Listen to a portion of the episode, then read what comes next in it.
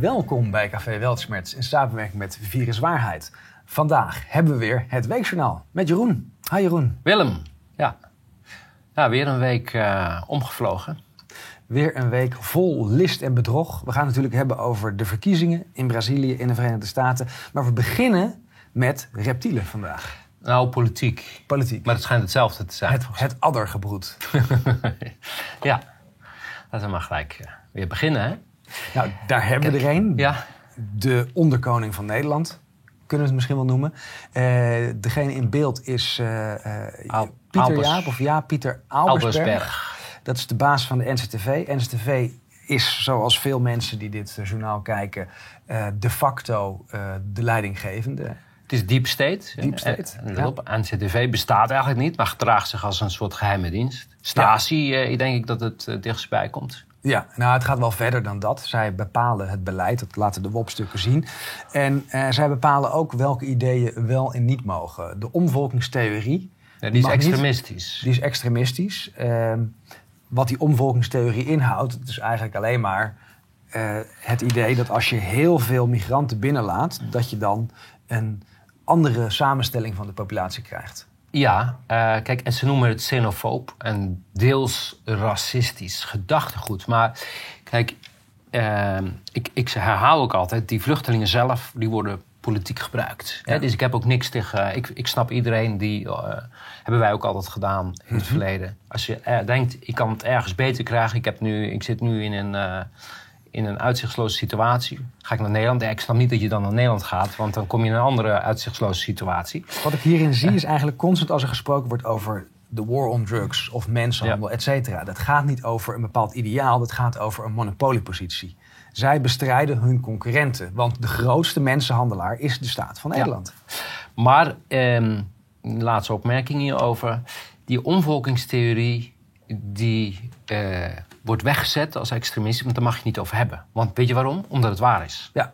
In 2015 is een grote klap begonnen. Ook Duitsland, hè, weer schaffen das. Ja. Uh, ik was toen ook nog verblind. Ik geloofde toen ja. nog in dat soort nonsens. Nu weten we dat het anders is.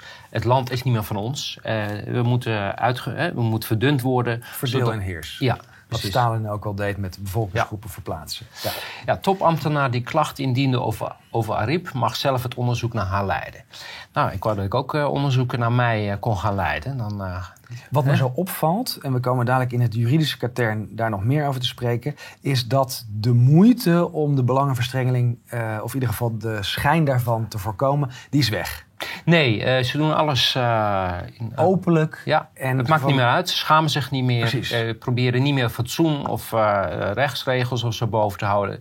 Nee, de boodschap is: wij doen gewoon waar we zin in hebben. En wat jij daarvan vindt, maakt ons helemaal niks uit. Ja.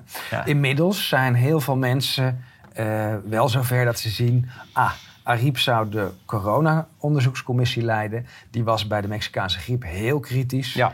Dit is de reden waarom ze weg moest. En dat mag, dat mag uh, wat nou, pijn kosten. Ik, ik wil niet uitsluiten dat zij weer kritisch was geworden. Dat, Ja. ze, dat, dat ze dit moment had afgewacht. Eh, een beetje laat, eh, blijf ik bij. Ze had vanaf het begin haar mond open moeten opentrekken. Ja.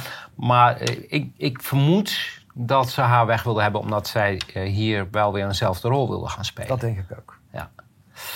NCTV ziet meer dreigement, dreigingen vanuit hoe complotdenkers. Meldpunt voor bedreigde ac academici. Ik ken er wel een heel aantal die bedreigd worden. Jij? Ja, maar dat zijn juist de mensen die zich uitspreken tegen Agenda 2030 en het narratief en het COVID-bedrog. Uh, dit is een van de mensen die juist die bedreigingen aanstuurt. Ja, die vindt niet dat... verkeerd. Nee. Ik, als ik met haar converseer op Twitter, dan komt ze heel beschaafd over. Dus ik wil niet zeggen dat zij zelf mensen bedreigt. Maar het is heel opvallend dat ze wel dingen retweet. Bijvoorbeeld over mijn vervolging. Uh, dat ze het daarmee eens is. En, en hier zie je weer die, die enge samenwerking van de flexpers. Hè, dat is een nieuw woord. Ja, van flexper. mensen die hun expertise Verkopen. met de wind mee laten waaien. Dan de wind van de macht. Uh, wat hier nog meer opmerkelijk aan is, is dat complotdenken steeds meer gelijk wordt gesteld met extreem rechts en terrorisme. Dit is allemaal in één vat, namelijk alle critici van de overheid. En antisemitisme. hè? Antisemitisme is het sausje dat er overheen Ja. gaat. Het heeft niks meer te maken met Joden. Het is gewoon, oh, wij, wij vinden het niet fijn wat jij zegt. Nee. Dan ben je dus Je antisemitisch. ziet een nieuw offensief tegen alles wat oppositie is. En dat Ja. moet nu eh kalt gesteld worden. Absoluut. En, want men merkt, men heeft heel veel pushback. En het lukt allemaal niet zo goed. Dus eerst even opruimen Ja. en dan gaan we daarna Laatste verder. ding over dat rapport. Daar wordt ook gesproken over drie groepen. Eh, iets van 50 tot 100.000 fanatieke aanhangers. Dan een perifere laag van ontevreden burgers. Maar ze hebben het ook over een lijst van een krappe 20 personen die desinformatie verspreiden. En toen moest ik gelijk denken aan de Ministry of Truth, wat Biden Ja. heeft geprobeerd met een lijst van 12 grootste verspreiders van de waarheid. Eh, die moesten monddood worden gemaakt. Dus ik, eh, ik wil nog eventjes weten of ik op die lijst sta. Ik zou me persoonlijk beledigd voelen als ik niet op die lijst zou staan, Jeroen. Ja. Ehm, we, we hebben geloof ik, we gaan, gaan het ook nog hebben over dat, eh, dat, die, eh, eh, dat er een bedreiging is hè, vanuit de complotdenkers en zo, toch? Dat we terroristen zijn, hè? Ja, Ja, dat, dat, dat is nog een andere. Daar komen we zo meteen Ja. nog op. Ja. Ja. Nou, eh, Rutte is weer in Afrika om weer geld weg te geven. Want eh, daar hebben we kennelijk genoeg om weg te geven. Want we geven Kijk, het toch een niet. heel rijk land en we moeten natuurlijk wel solidair zijn. Ja, en als je het niet uit, en nodig hebt thuis, hè, want hier heb je natuurlijk niks nodig. Want we hebben het allemaal zo goed. eh, Ja. dan, dan ga je de hele wereld af en overal probeer je nog wat eh, geld We te hebben ook geen last van inflatie, dus dat geld kan prima naar Afrika. Ja, en dan gaan ze. eh, Afrika krijgt dan geld voor aanpassing aan de gevolgen van de opwarming. Ja. Maar. eh, baas boven baas. Ik heb deze even de, de, de naast gezet. Want Oostenrijk, hoeveel bewoners, inwoners hebben die? 7 Bijna miljoen? 10 Acht- miljoen. Oh, 10 miljoen. Ja. Oh, ja. Maar ongeveer de helft van Nederland. En zij doen wel twee keer zoveel. Dus zij moeten 220 vier miljoen. keer meer voor Afrika betalen per inwoner. Dus eigenlijk is Rutte nog heel zuinig. Maar dit is de tactiek die we al jarenlang zien. Het geld wordt eh, nu weggehaald bij de zogenaamde rijke landen. Ja. En het wordt nu overal eh, uitgestrooid. Eh, zoals bijvoorbeeld Pakistan krijgt van eh, Duitsland ook iets van 50 miljoen voor de watersnoodschade. Maar de, men, de slachtoffers van de watersnoodschade in Duitsland, die hebben nog geen cent gehad. Precies. En nou, Maxima, ja, die is definitief door de mand gevallen. Wisten we Ja. natuurlijk al, maar nu is het heel duidelijk. Zij is een, eh, een wefster. Ja. En als eh koningin, ik vind het een hele rare titel koningin, want hoezo is zij koningin? Eh, maar eh, zij hoort zich volgens mij niet politiek bezig te houden. Daar krijgt ze een enorme vergoeding voor. Ja. Juist omdat jij niet eh, Ja. Dus dit, is door de mand gevallen. En eigenlijk bevestigt dit nog eens dat we met een koningshuis niet beter af zijn dan met een president. Want ze doen toch aan politiek. Willem-Alexander een beetje, maar Maxima, Maxima, maximaal zou ik willen zeggen. Eh, dus daar moeten we vanaf, zo snel mogelijk. Heel snel. Ja. Ik zou zeggen, enkele reis eh, Argentinië. Ja, dit is een, eh, volgens mij een SP, Tweede Kamerlid, die dit ook aankaart. En terecht merkt hij op van ja, Maxima plus eurocommissarissen hebben het hierover om iets in te voeren, namelijk het Central Bank Digital Currency. 23 november wordt het eh, in Nederland in het parlement besproken, maar hier wordt het allemaal al besloten, zonder de volksvertegenwoordigers. Ja, dus maar, waarom zou je, nodig. maar waarom zou je het volk eh, raadplegen? Dat is, toch, dat is zo 2019. Ja. En ik geloof, daar komen we zo meteen nog... eh, Nou, dan hebben we een van de mensen, de deep state zou je deze ook kunnen rekenen. Klaas Knot, daar hebben we het vorige week ook al over gehad. Vorige week kwamen we erbij de- dat hij bij de WEF zit. Ja. Hij is van de voorzitter van de Nederlandse Bank.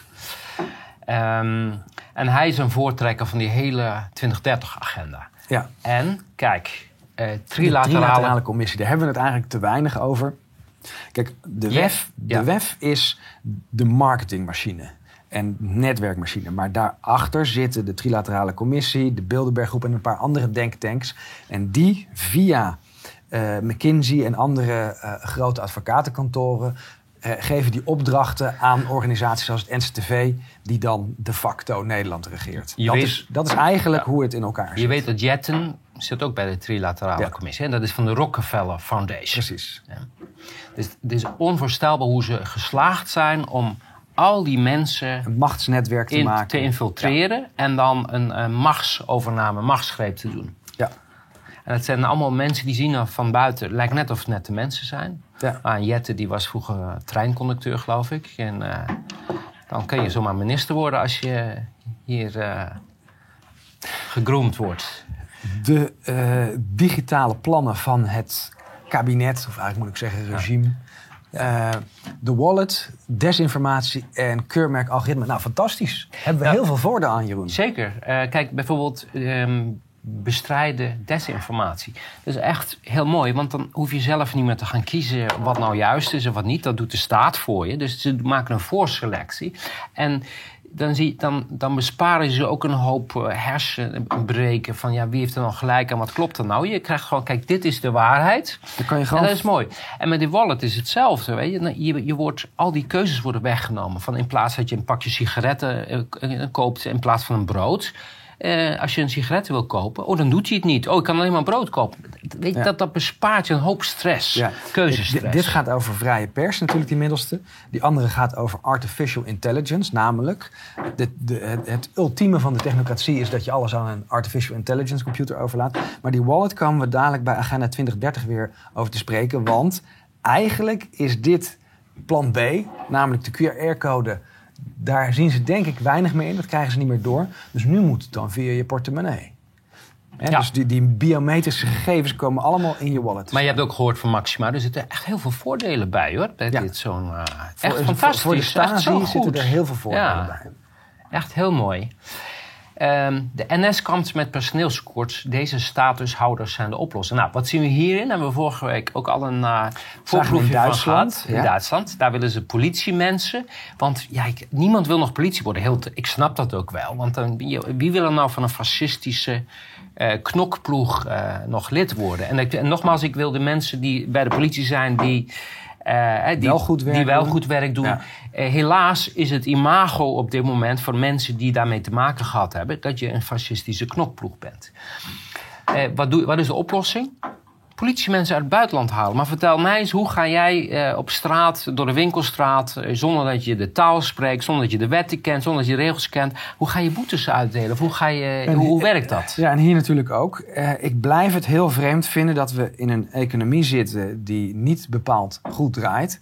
Normaal heb je dan een arbeidsoverschot, maar de, alle bedrijven kunnen geen personeel vinden. Het is heel merkwaardig. Of iedereen krijgt subsidie, of iedereen is ziek, zwak en misselijk door de prik. Nou, ik denk dat die eerste is een heel belangrijk. In Duitsland ook eh, is duidelijk geworden dat die uitkeringen die, waar ze mensen indrijven, en ze willen al die mensen in afhankelijk maken, die is zo hoog dat je moet meer dan 2000, ik meen 2200 of 2300 verdienen om hetzelfde over te houden als iemand die een uitkering krijgt. Ja, dus dit is eigenlijk al basic income. Dat, dat is waar ze iedereen naartoe drijven, ja.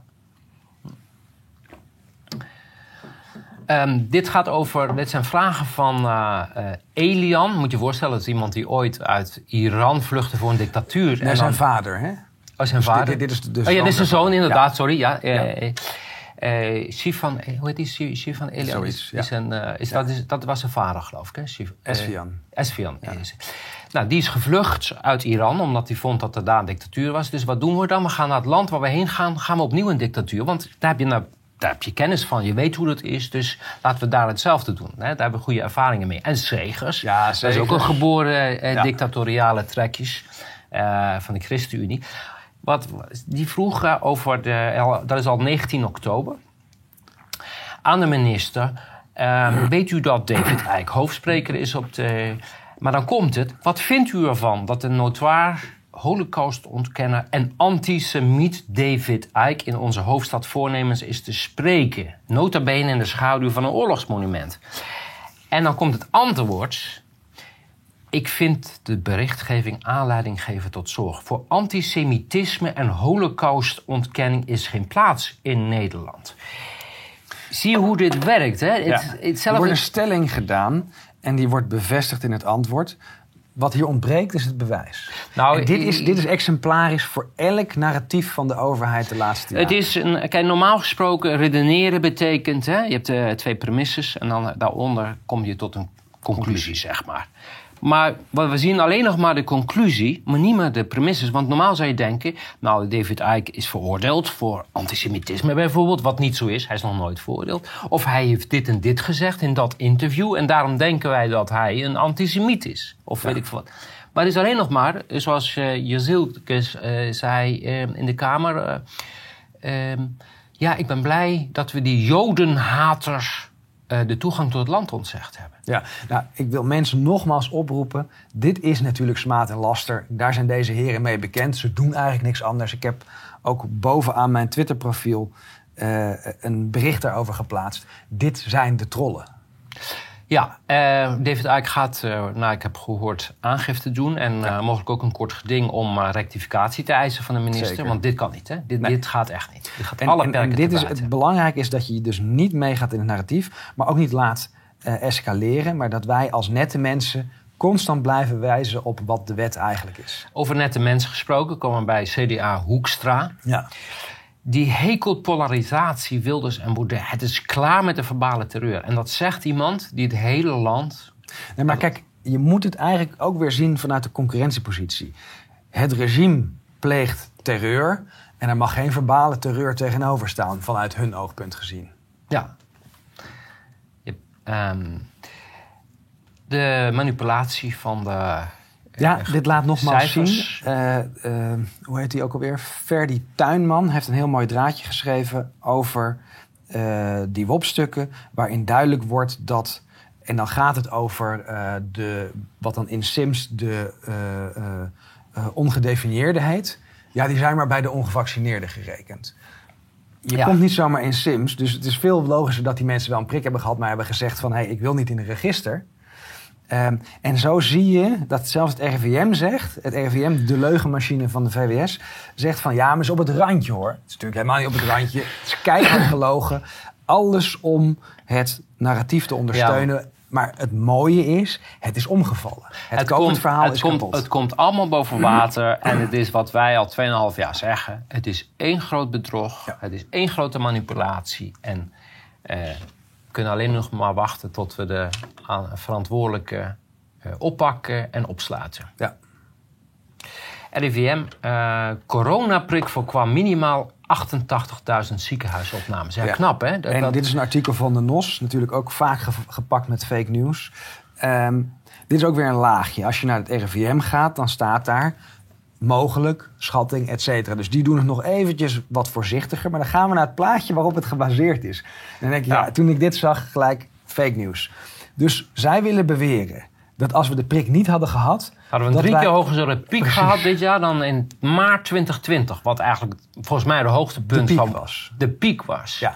Maar um, ja, hadden we het niet gedaan hadden we hè, uh, En hier wordt weer de preventieparadox ja. geclaimd eigenlijk. Ja. Maar er is geen enkel feit dat dit ondersteunt. Hoe dit uh, redeneert vanuit die studie vaccinatie-efficiëntie komen ze... oh, dit is wel 80 tot 90 procent effectief. Dat betekent dus dat we de, het aantal opnames maal 5 hadden moeten doen. En dat is wat we hebben voorkomen. En op die manier heb je een soort reverse engineering... van wat ja. er zou kunnen gebeuren. Maar dat gaat ervan uit dat de prikjes werken, terwijl we weten dat ze niet werken. Dus dit ja. grafiekje... Maar ja, er zijn ook uh, ongetwijfeld uh, gelovigen of weet ik veel wat... die zeggen, ja, ik heb dit jaar al uh, duizend aanslagen voorkomen... want ik heb gebeden dat ze niet kwamen Precies. en daardoor zijn ze niet het zit, gekomen. Het zit in, datzelfde, ja? in dezelfde categorie, ja. Gevaccineerde moeders krijgen veel minder vaak miskraam of vroeggeboorte. Ja, je, je moet het maar ik durven, ga, hè? Ik ga hier een, nog een uitzending over maken. Ja. Ik heb er een draadje over geschreven. Dit is ook puur fake news. Wat ze hebben gedaan is een, uh, allerlei cohorten gepakt. Uh, en daar weer een selectie op gemaakt en weer een selectie in gemaakt. Dus nu vergelijken ze de hele groep ongevaccineerden. Ze beginnen met 50-50. En aan het eind van de studie is het 85-15. Nou, daar proberen ze dan enigszins te corrigeren. Maar het, het bizarre is dat ze eigenlijk alles voor die 20 weken eruit gooien. En het meeste ook nog eens voor 24 weken. Maar de meeste zwangere vrouwen kregen pas de prik na 24 weken. Dus wat je hier ziet is de selectie op de selectie. Maar eigenlijk het belangrijkste is nog... Kijk, tussen de 10 en de 15 procent van alle zwangerschappen... breekt op een of andere manier af. Dat is gewoon helaas de natuur. Dus dan heb je het risico op het niet volbrengen uh, uh, van uh, de dracht... En dan hebben ze het hier over de risico's onderling. Want dan zeggen ze ja, echt, echt veel minder. Maar dan hebben we het in de range van 0,1 procent.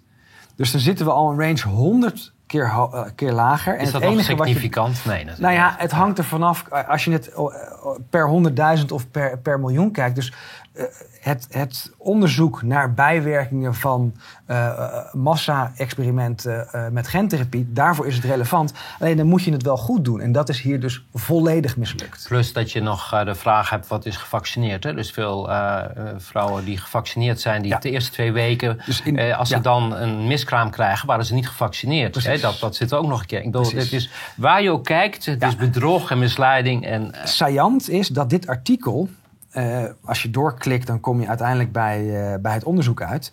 Toegeeft, en het wordt er een paar keer ingezet, maar omdat het door Janssen wordt gesponsord en door Ferring Pharmaceuticals, mag het natuurlijk niet de titel zijn. Dus de titel is: eh, het, het reduceert, alsof het iets actiefs zou Ja. doen. Het is een observationele studie, dus het reduceert niks. Je ziet alleen maar een correlatie. Maar wat er wordt toegegeven, is dat er na de 37 weken van normale dracht het veel vaker voorkomt bij geprikte vrouwen dat de bevalling moet worden opgewekt of zelfs helemaal artificieel moet gebeuren. Dus misschien is het inderdaad zo dat je als je na 24 weken injecteert, dat je minder risico hebt dat die injectie leidt tot abortus. In tegenstelling tot als je Ja. het vroeger doet.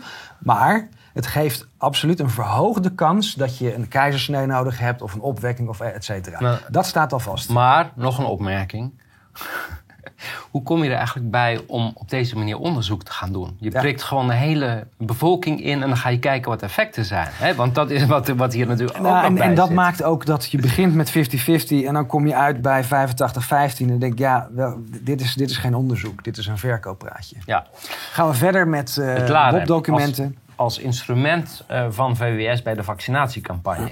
Dit is eh, echt saillant, hè? want het. We hebben hier al aangifte van gedaan, we hebben Ja. dit meegenomen in de procedures. Eh, ik heb ook nog een draadje over Agnes Kant gemaakt, die mensen op het hart drukte. En dat is een paar maanden geleden pas. Hè? Nee, die, die menstruatieklachten, daar hoef je je geen zorgen over te maken. En twee maanden later komt er toch van, ja, het is toch wel significant.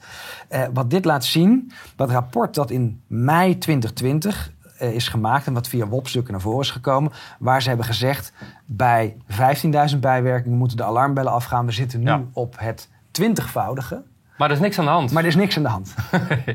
Agnes Kant, die, eh, heeft, Die zit er diep in. Ja. die heeft haar eh, plaats eh, verzekerd eh, Absoluut. bij een tribunaal. Ab- ja. Erasmus eh, zoem- zoemelde onder Ernst Kuipers met transparantieregels. Dat is dan een kritisch stuk van Follow the Money. We gaan daar nog wat meer spreken over Follow the Money.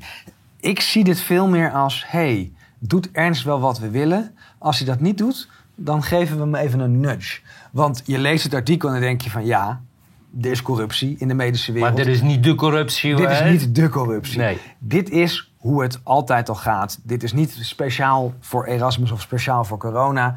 De medische wereld gaat over kickbacks en smeergeld. Ja. Ja.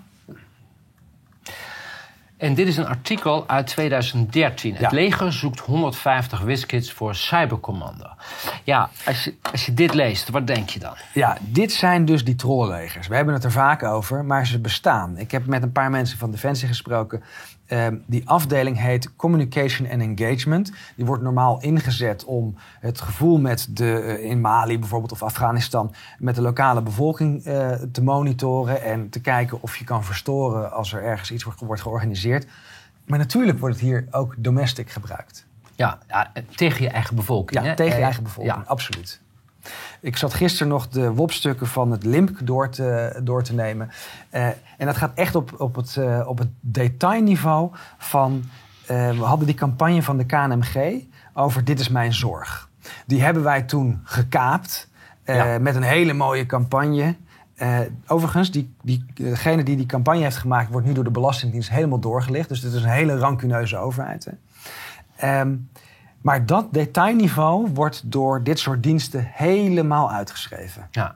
Over hoe dat tot stand is gekomen, wie erachter zit, et cetera. Gaan we naar energie.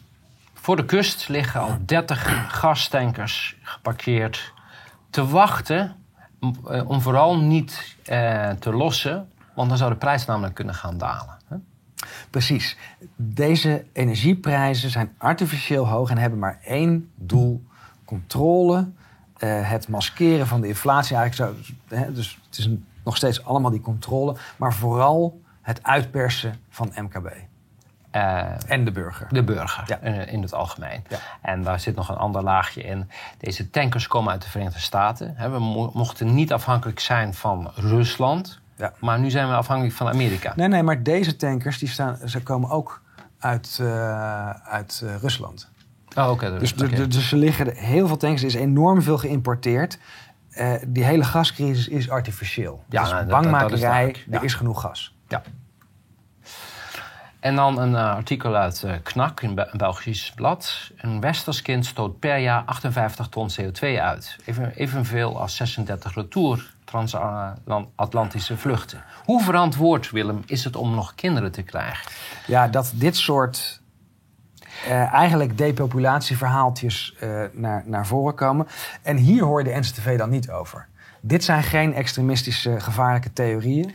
Eh, maar hier wordt dus een schuldgevoel aangepraat van als je een kind krijgt, dan pleeg je een aanslag op de natuur. En dan moet je dat eens zien in verbinding met die eh, abortusregels die ze overal ter wereld aan het versoepelen zijn. Dat je eigenlijk tot aan de geboorte Ja. abortus kan plegen. Ja. En dan heb je toch eh, flink wat CO2. Dan krijg je een goed gevoel bij een abortus. Want we hebben zojuist hebben we de wereld gered door ons kind te vermoorden. Ja, Ja. knettergek. Eh, klimaatdictatuur. eh, de- vanaf 2023, dit is nog een wetsvoorstel, is er eh, nog niet helemaal doorheen. In we hebben de jongen hierover gehoord in Nederland.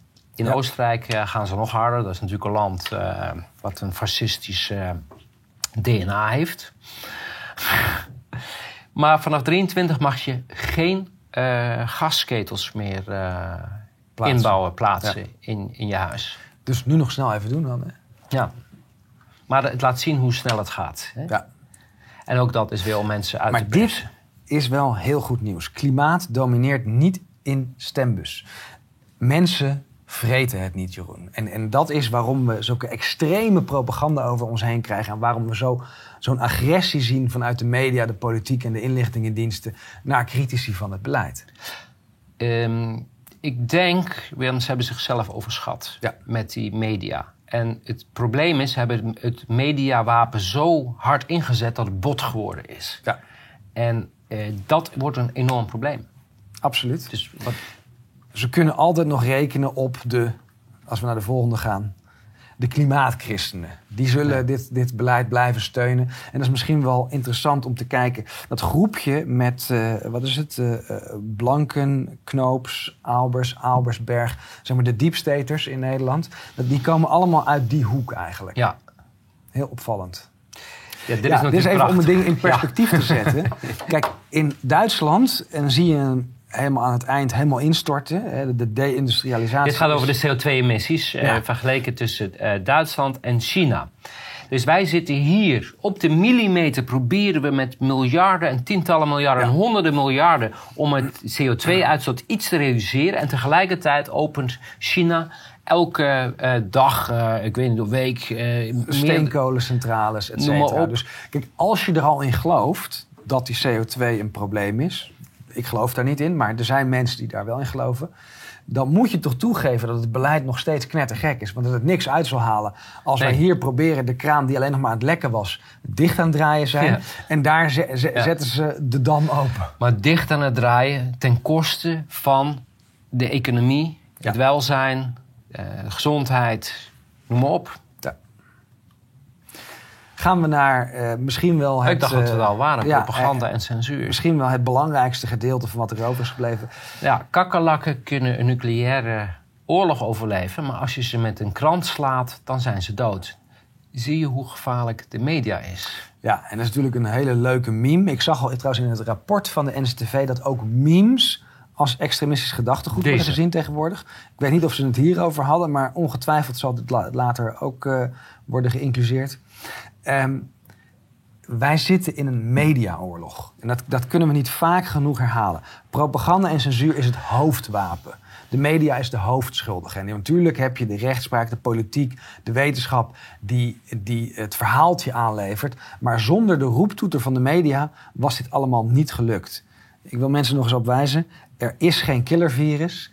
Er is zelfs geen killerprik. Ja, er gaan relatief veel mensen dood. En het is een schandalig mislukt experiment. Maar wat de echte oorlog is, is de informatieoorlog. Ja. Massa-ontslag bij moederbedrijf Facebook en WhatsApp. 11.000 banen verdwijnen. Ja, Heel erg goed nieuws. ze hebben het allemaal, Mensen stemmen met de voeten. ze hebben allemaal overschat. hè. Ze hebben Ja. zichzelf overschat. En ze hebben gedacht, we gaan even...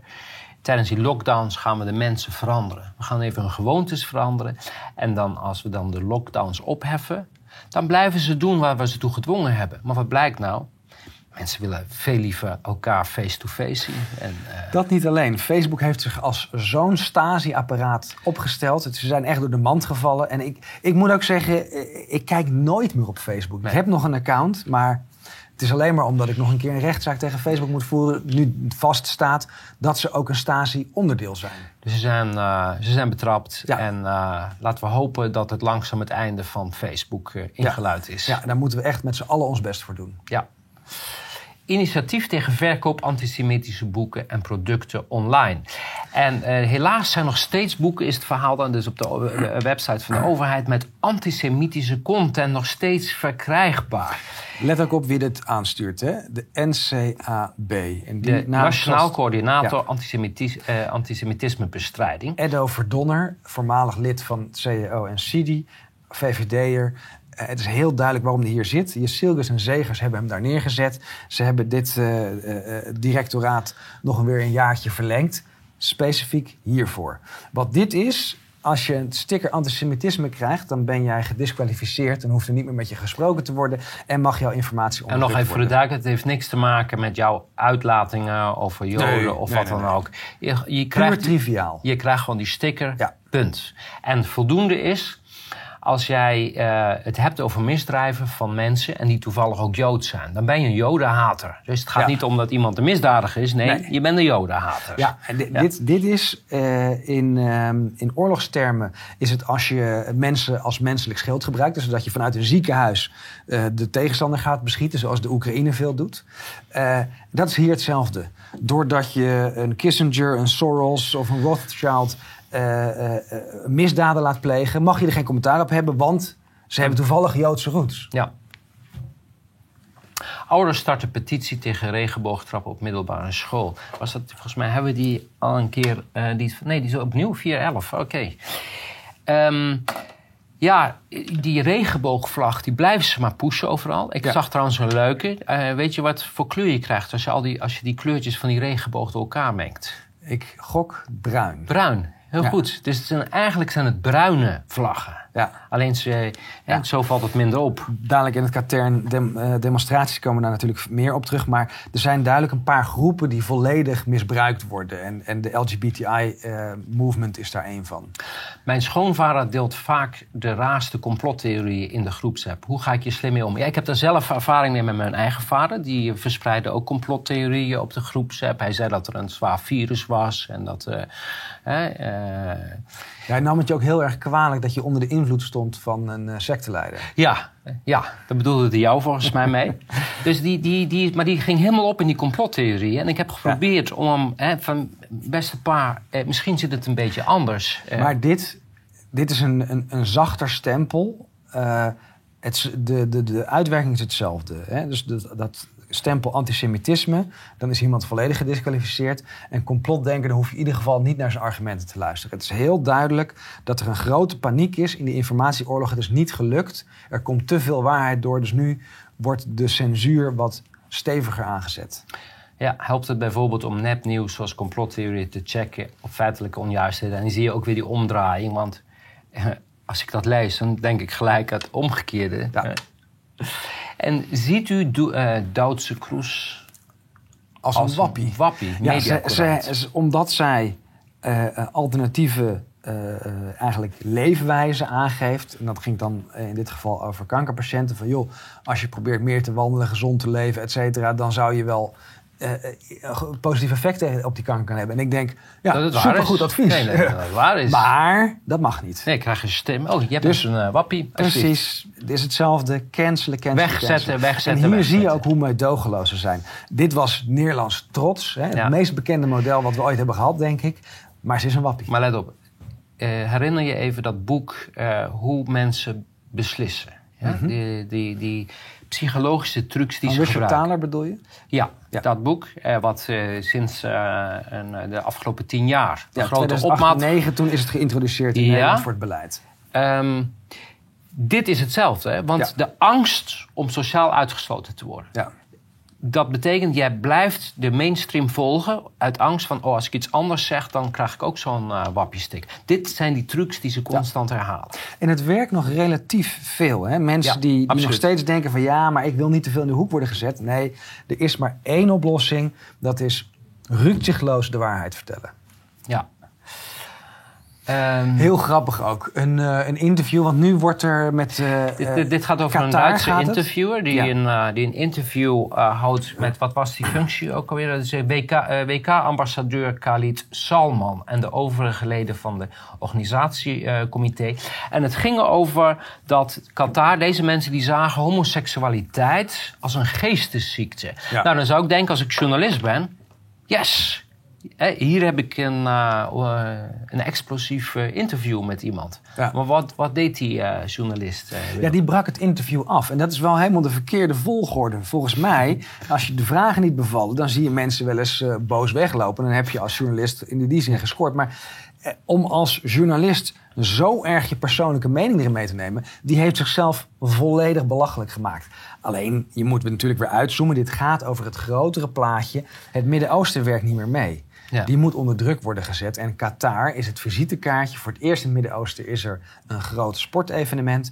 En nu wordt er druk uitgeoefend, want ze moeten in line vallen. En je ziet dat het Midden-Oosten zich wil aansluiten bij de BRICS. En dit is achter de schermen wat er eigenlijk aan de hand is. Maar ja, ondertussen is er een groot eh, sportevenement in een land eh, wat eh, homoseksuelen als een geestesziekte beschouwt.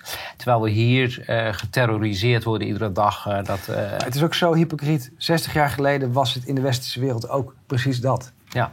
hey, een eh, tweet van ja, Mark deze, van deze we. Ja, ik, ik heb het de laatste tijd weinig over. Ik heb het ook veel te druk voor mijn eh, kleine, grote Belgische vriend.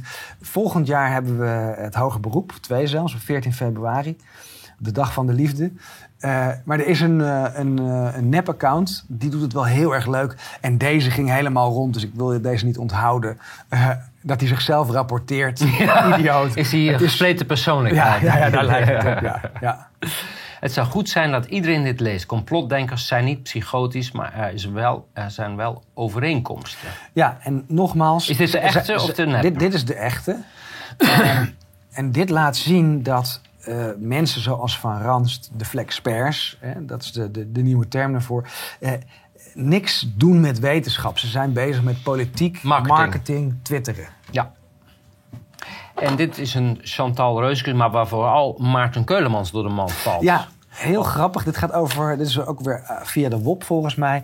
Eh, juli 2020 eh, lijkt het, hè, want Koen Berends is de woordvoerder. Chantal Reuskens die is nu de rechterhand weer van Marion Koopmans. Ik heb daar, allebei heb ik ze gesproken toen we daar demonstreerden. Ze waren erg zenuwachtig. Ehm, maar wat, wat hier eigenlijk blijkt, is dat eh, Maarten Keulemans zich min of meer aanmeldt als groepie van hey, kan ik nog wat propaganda voor jullie doen? En dat ze zeggen van hey, kijk. Nou, we gaan eh, samen even wat dus, stukjes eh, schrijven. Ik heb nog wel. Hier, hier, heb, hier heb je wat tekst, dan kan jij doen alsof het van jou is. Hè? Zo het een beetje. Maar Maarten Keulemans beweerde online dat hij niet in die eh, denktank desinformatie zit of daar niet Ja. bij betrokken is. Ik ben benieuwd. Ja, maar dat is een kwestie van definitie. Ja, nou goed, betrokken bij. eh, Precies. ja, hij zat er alleen maar in, niet bij. Ja, nou nu Erik komen we eventjes, we hebben het net al heel eventjes over follow the money gehad. Eh, follow the money is controlled opposition. Ik denk dat we 100%. dat wel zo kunnen stellen. En we gaan nu een paar tweetjes er doorheen. Ehm Erik Smit valt nu dus eh, Willem Middelkoop aan omdat eh, hij het niet eens is met het, de boodschap van Willem Middelkoop. Is financieel expert en die zegt van jongens, eh, die financiële eh, eh, markt die gaat instorten. En dat is de, de Great Reset. En wat ik er dan onder zet is van, oh, je gaat full wef. Het is opvallend dat iedereen die zich echt afzet tegen het beleid, namelijk het COVID-schandaal en de Agenda 2030, die wordt aangevallen door Erik Smit. Maar Ik dacht dat Follow the Money ging over het controleren van de multinationals. In de pels. En, en de overheid over wat voor financiële miljardendeals er achter de schermen worden gesloten. Maar kennelijk Ja. gaat het over andere dingen. Ja, ik, eh, we hebben trouwens, ik heb een stukje geschreven in de andere krant over dit verhaal. En dan denkt iedereen, oh dat doen jullie omdat... eh en, eh, Ze, ze, geven een hele mooie opening. Eh, maar wat blijkt nou, hè, want we zijn op eh, onderzoek gegaan, hè, follow the money. Wat blijkt, zij Daar zijn... komen we zo, want die die zitten er allemaal in. Oké. Nou, e- E- Eerst nog eventjes over deze persoon staat Ja. niet aan de goede kant van de geschiedenis. Hè. Mensen is- die een gratis prik weigeren en daarmee andere schade berokkenen, vallen volgens mij in een andere categorie. Laat zien, dit is het. het, het, eh, Het narratief. Dus het narratief, maar ook het uitsluiten, het fascisme eh, komt erin door. Eh, hij heeft me toen in juni 2020 ook fysiek bedreigd. Nou ben ik niet zo snel geïntimideerd, dus ik vroeg of ik het mocht opnemen. En toen dro droop hij af. Ehm, maar dit is een, een heel raar mannetje. hij zei tegen jou, ik ga jou kapot maken. En Ja. viruswaanzin. Ja. Dat was toen nog viruswaanzin. Ik ga je kapot maken. Ja. En ik heb in het stuk ook laten zien hoe, wat, voor, wat hij allemaal geschreven heeft. Eh, was dit zijn laatste? Nee. Nee, we hebben hier nog een paar. Nieuwkomer. Ja. Nieuw in de bibliotheek, follow the money. En dan laten we even kijken naar de datum. Want wat zagen we? Dat is 15 juni 2021.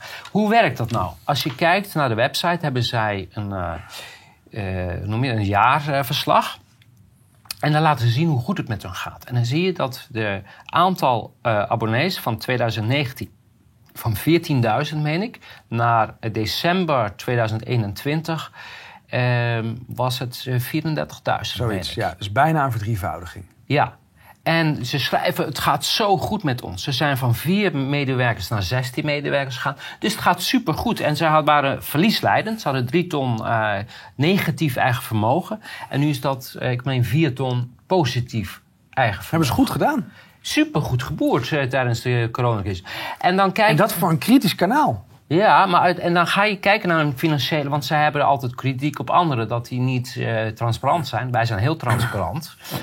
Maar als je dan in het verslag kijkt, doen ze net alsof het allemaal nieuwe leden zijn. Maar wat blijkt nou?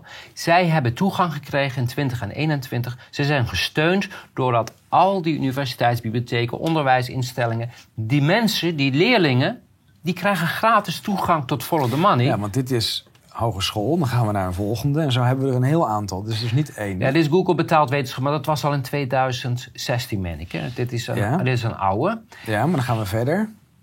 Universiteit van Groningen. Daar Ja. mag je dus ook ineens allemaal Dus- gratis op. Dus, en zo werkt het. Dit is de getrapte corruptie. Ja. Oh, follow the money, een hele belangrijke. Hè? Je mag niet onderschatten hoe belangrijk follow the money is om het narratief te beïnvloeden. Want follow the money staat bekend als de luis in de pels. Zo zijn ze begonnen. Hè, kritische journalistiek waar de corrupte media het laat afweten. En als je zo'n partij meekrijgt, nou het kost je een beetje, want ze krijgen een paar miljoen toegeschoven zonder dat iemand het ziet. Maar zo werkt het. En dit is standaard voor Nederland hoor. Daarom zijn al die grote onderwijsinstellingen, zorginstellingen, et cetera. Daar moeten allemaal mensen van de overheid bij in de raad van toezicht, et cetera. Nog eentje, eh, ik weet niet van welke eh, eh, Ja. bibliotheek dit is. Maar zij hebben dus in één keer tot al deze toegang gehad. En zo heb je tienduizenden nieuwe leden erbij. Ja. En dan kan je je redactie uitbreiden en zo kan je lekker doorgaan. Misschien moeten we dat met viruswaarheid ook doen. Kijk, ik ben jarenlang, ik was de, een van de eerste die lid werd van Follow the Money. Want ik was echt enthousiast.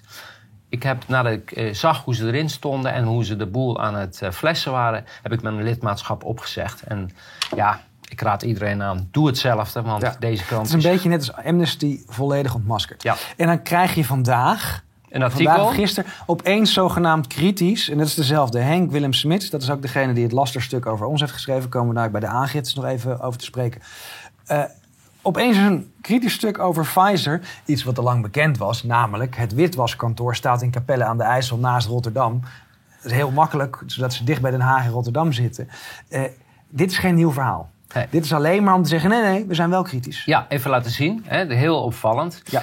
Ehm, wat hij ook zei tegen mij. Ik, ik heb overigens eh, aan hoor en wederhoor gedaan hoor. Het is niet dat Ja. we nu een beetje. Nee, ik heb die vragen neergelegd bij Follow the Money. Ik zei: let op, ik ga een artikel schrijven. gegeven. Ja, en ik wil weten waar komen al die leden vandaan. Ze hebben niet geantwoord. Wat hij gezegd heeft, ja, alle kranten hebben goed geboerd eh, tijdens de coronacrisis. Dat betekent, die krant, ze hebben geen lezers, ze hebben geen leden meer. Het is de overheid, Allemaal subsidie. die houden ze in de lucht. En dat weten we eigenlijk van, van hè, de, de, de Van Tillo's en DPG. Ja, ja. Die krijgen via de Europese Commissie uit Het België. zijn alleen nog maar Ja. propaganda. Het is pravda. Hè? Pure pravda. En, Ja, eh, gaan we naar internationaal. En dit is natuurlijk het gevaar, want Mexico, die eh, ehm, slim, of is het, nee, het is de volgende. hè? In ieder geval, de, de, de president daar, die doet niet mee met het hele WEF gebeuren.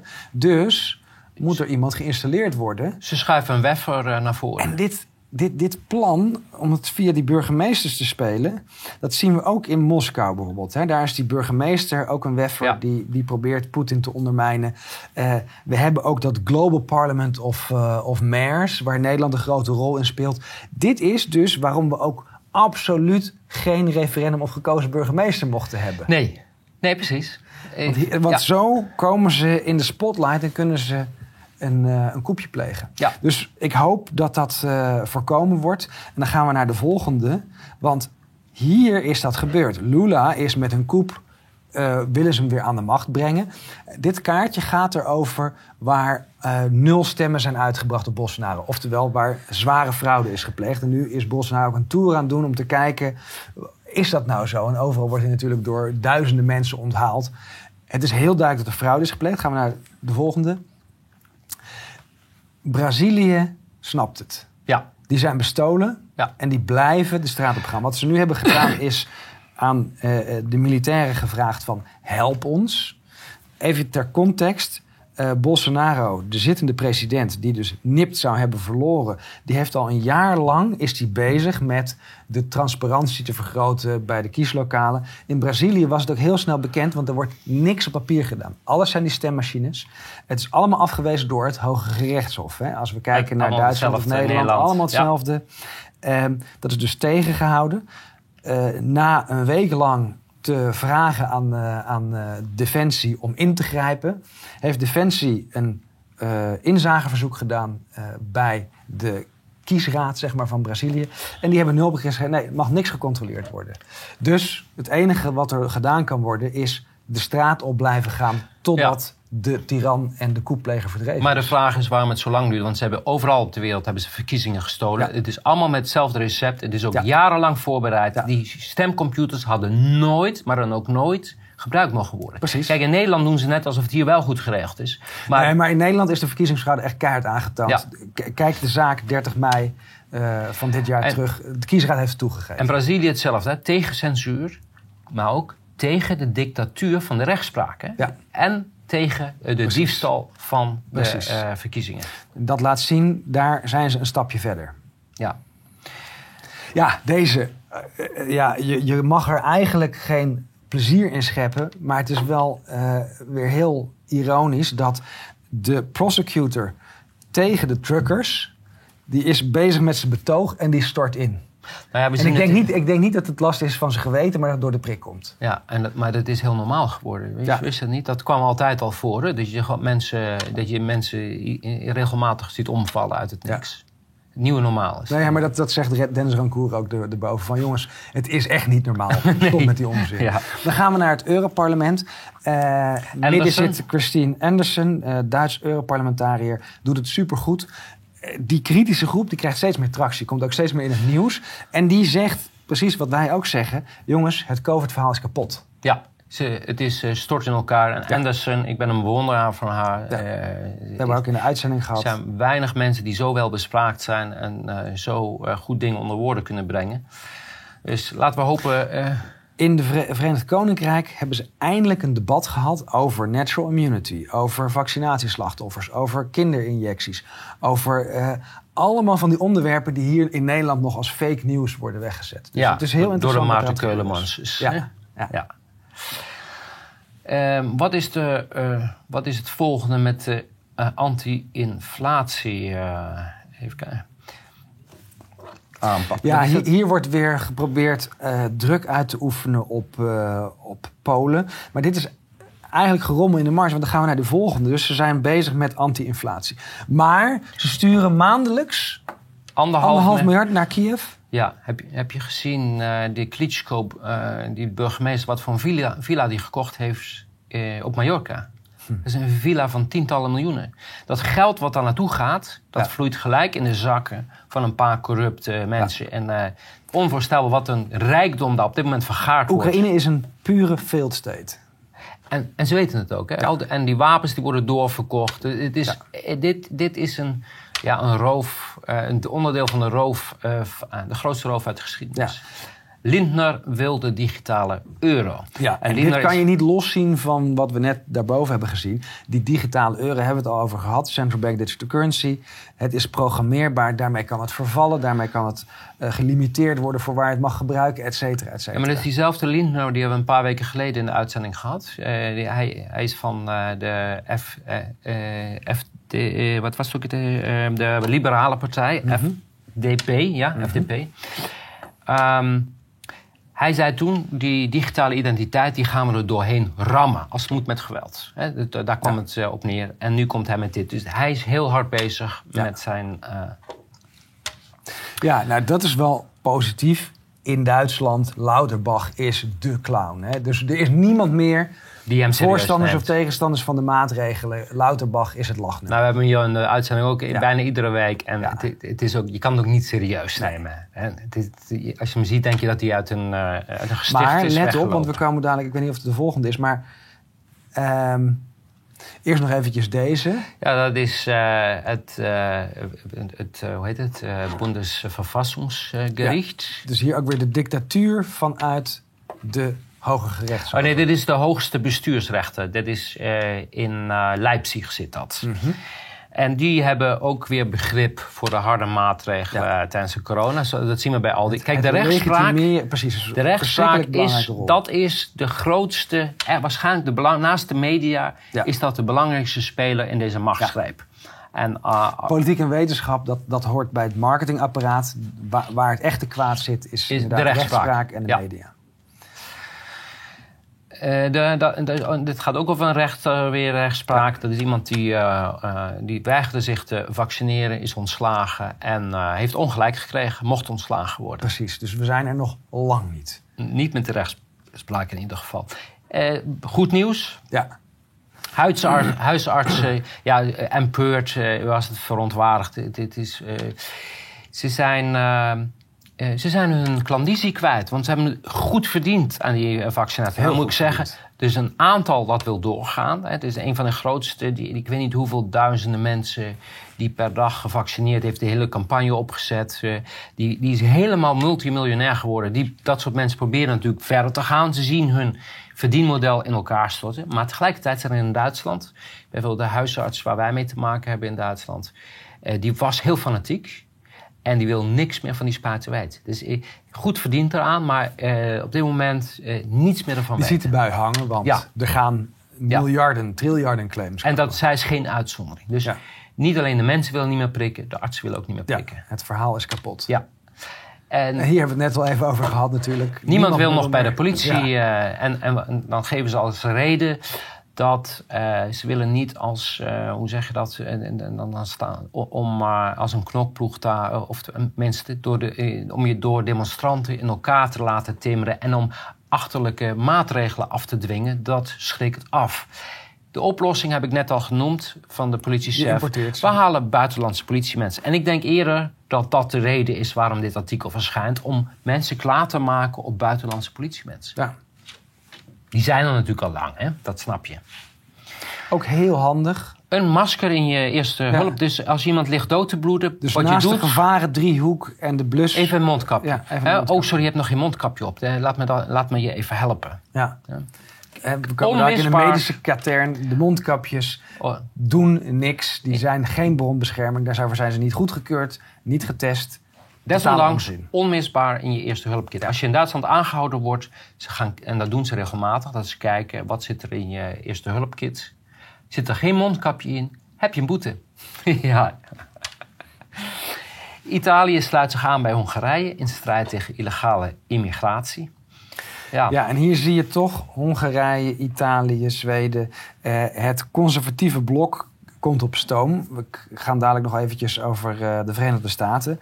Ehm, dit zorgt ervoor dat er het plan enorm vertraagd wordt. Ik ben met geen enkele van die eh, leiders voel ik me verwant. Hè, zij zijn niet de redders. Nee. Maar dat Agenda 2030 verhaal wordt steeds lastiger.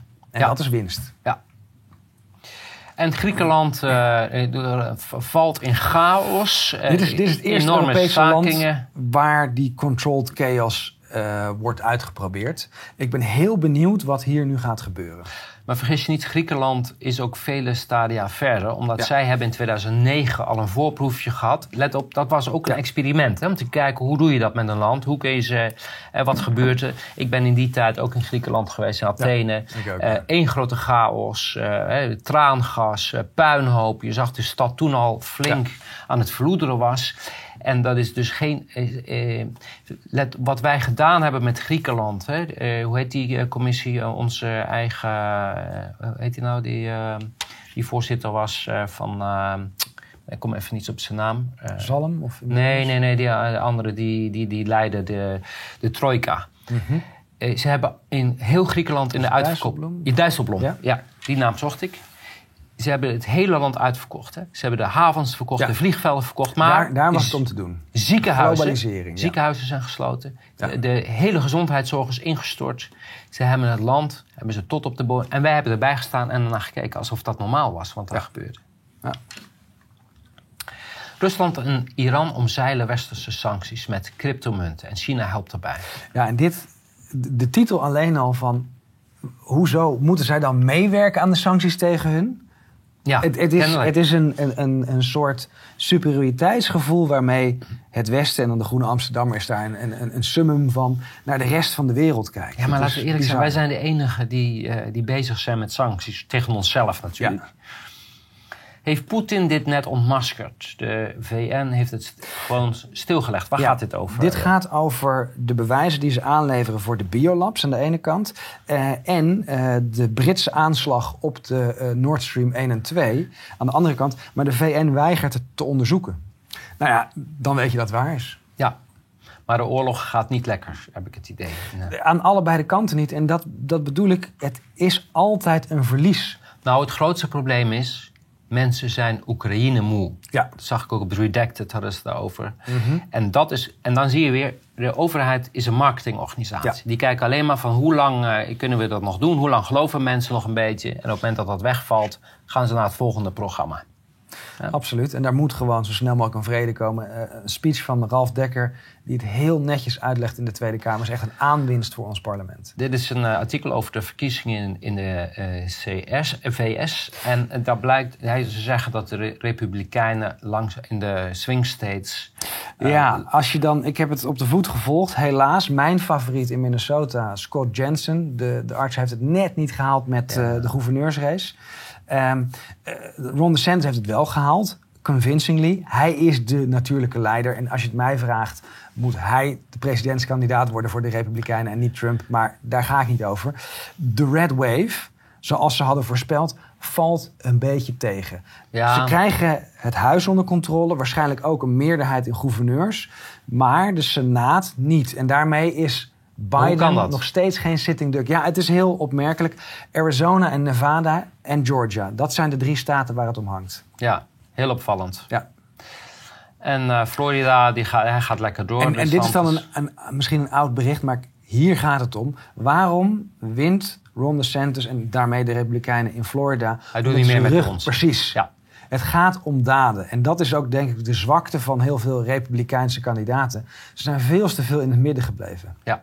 Dit is een overzicht eh, hoe dat werkt in de Verenigde Staten. Misschien kan jij hier Ja, wat over nou, dit, eh, dit is dan die, eh, die van Scott Jensen.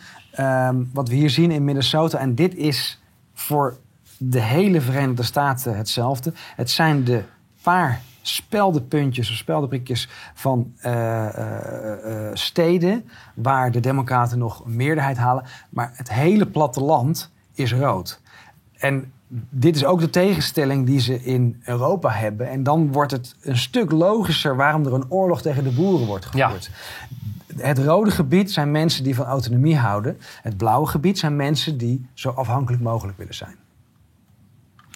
Pelosi werd weer bijna vermoord met nog meer verdeeldheid tot gevolg. Ja, Pelosi, ik, ik, ik vind het, als ik ze zie, het lijkt net of het niet echt is, deze Ja. mensen. Het is, Ja. het is te, te bizar voor Ja, woorden. sommige mensen vergelijken ze dan met reptielen, maar ik vind het gewoon een hele slechte club Nou, met, zij, ik, zei, ik, ik bedoel, ik, je zou bijna haar als bewijs kunnen aanvoeren dat, er- dat er wel wat in zit.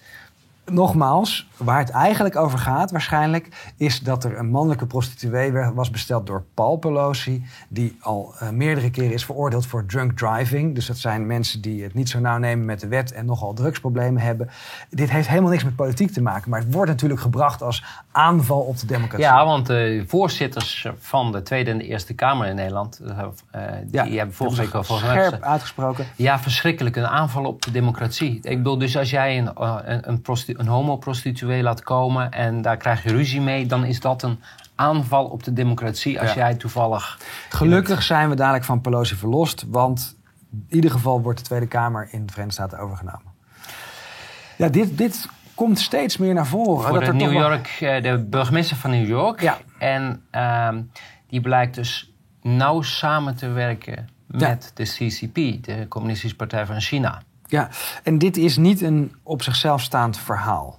Het, eh, Het verklaart wel een hoop. ja, via natuurlijk eh, de Chan Zuckerberg Foundation, maar ook allerlei andere bedrijven en overheidsinstellingen, komt er toch heel veel Chinese invloed de Verenigde Staten binnen. De Verenigde Staten die gaat door met de plicht, eh, de vaccinatieplicht als jij naar de Verenigde Staten wil. Begrijp ik Ja. dat goed? Ja, dus Tot binnen, 20. voorlopig komen wij er niet in. Nou ja, misschien kom, Ja, via- kwamen wij er sowieso niet in. Die kans is heel groot.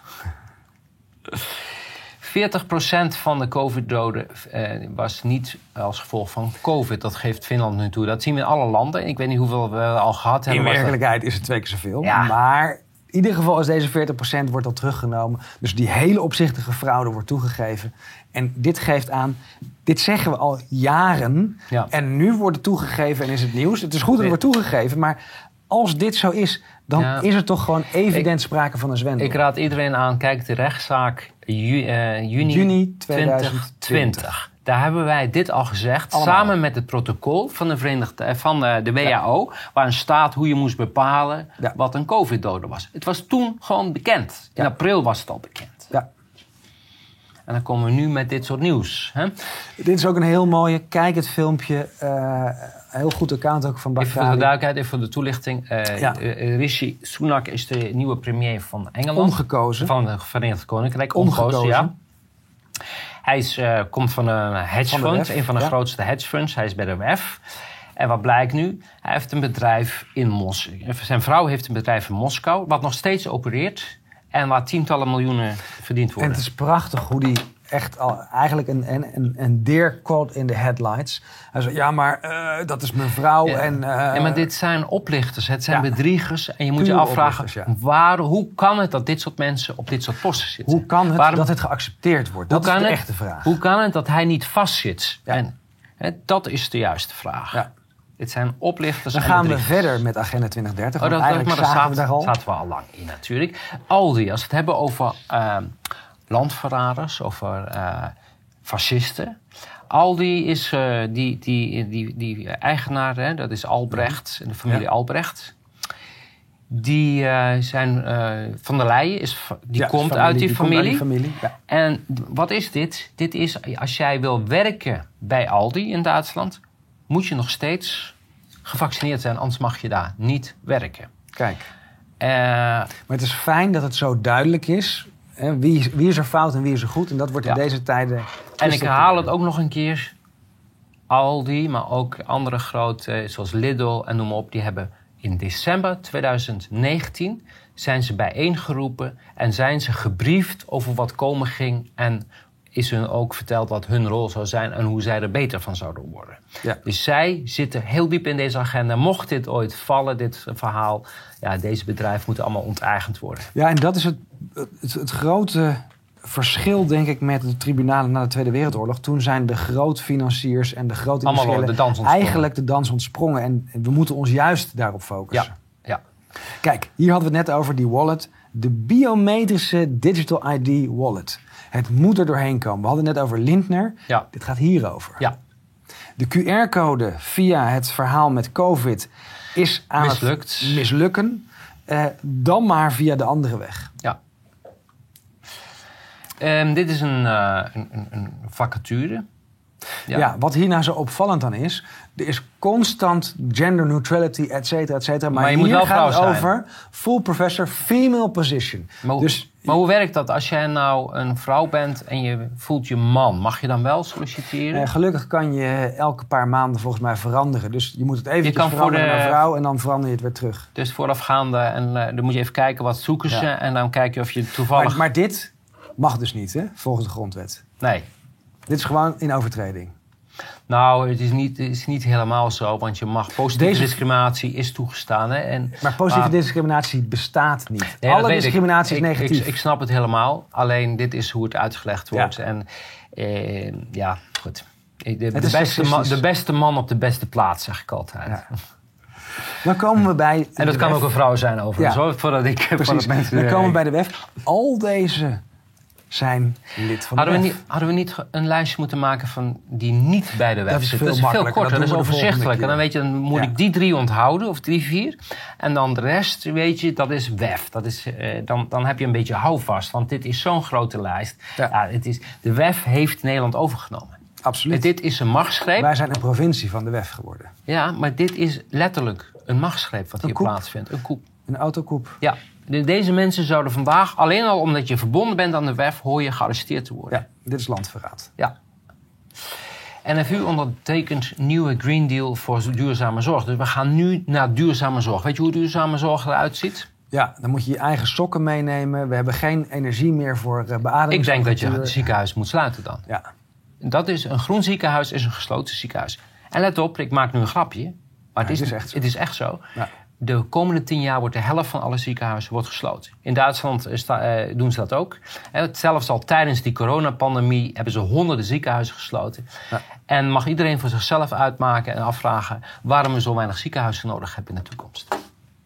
Dus wie het eh, antwoord heeft, meld. Komen we bij, we hebben het over Follow the Money gehad, eh, die ontmaskerd is als controlled opposition. Komen we bij een hele interessante andere, en we zeiden het al, hè? We hebben het eventjes over Soros gehad. Kijk, hier wordt Sidi genoemd als een van de begunstigden van Open Society Foundations. Open Dit- Society is Soros. Dit is Soros. En dan krijg je natuurlijk weer, ja, maar Soros is Joods, dus het is antisemitisme. Nee, eh, wat Soros doet, en we komen dadelijk ook nog bij de klimaatprotesten, dan zijn we helemaal rond. Die stort eh, geld in organisaties die de eh, regimes onder druk zetten of een bepaalde richting uitduwen. En als dat niet lukt, dan veroorzaken ze gewoon chaos. Ook het hele BLM-verhaal is hier nauw aan verbonden. Dit is social engineering, maar hè, als je het land wil bebouwen, moet je het eerst omploegen. En dit soort organisaties die werken mee aan het omploegen Ja. van het maatschappelijk landschap. En let op, Soros zelf heeft vroeger als kind samengewerkt met de nazi's. Hè. Dat is geen eh, gerucht of Ja. een eh, fake news. Dat is echt zo. Ehm, Als verlinker. Hè?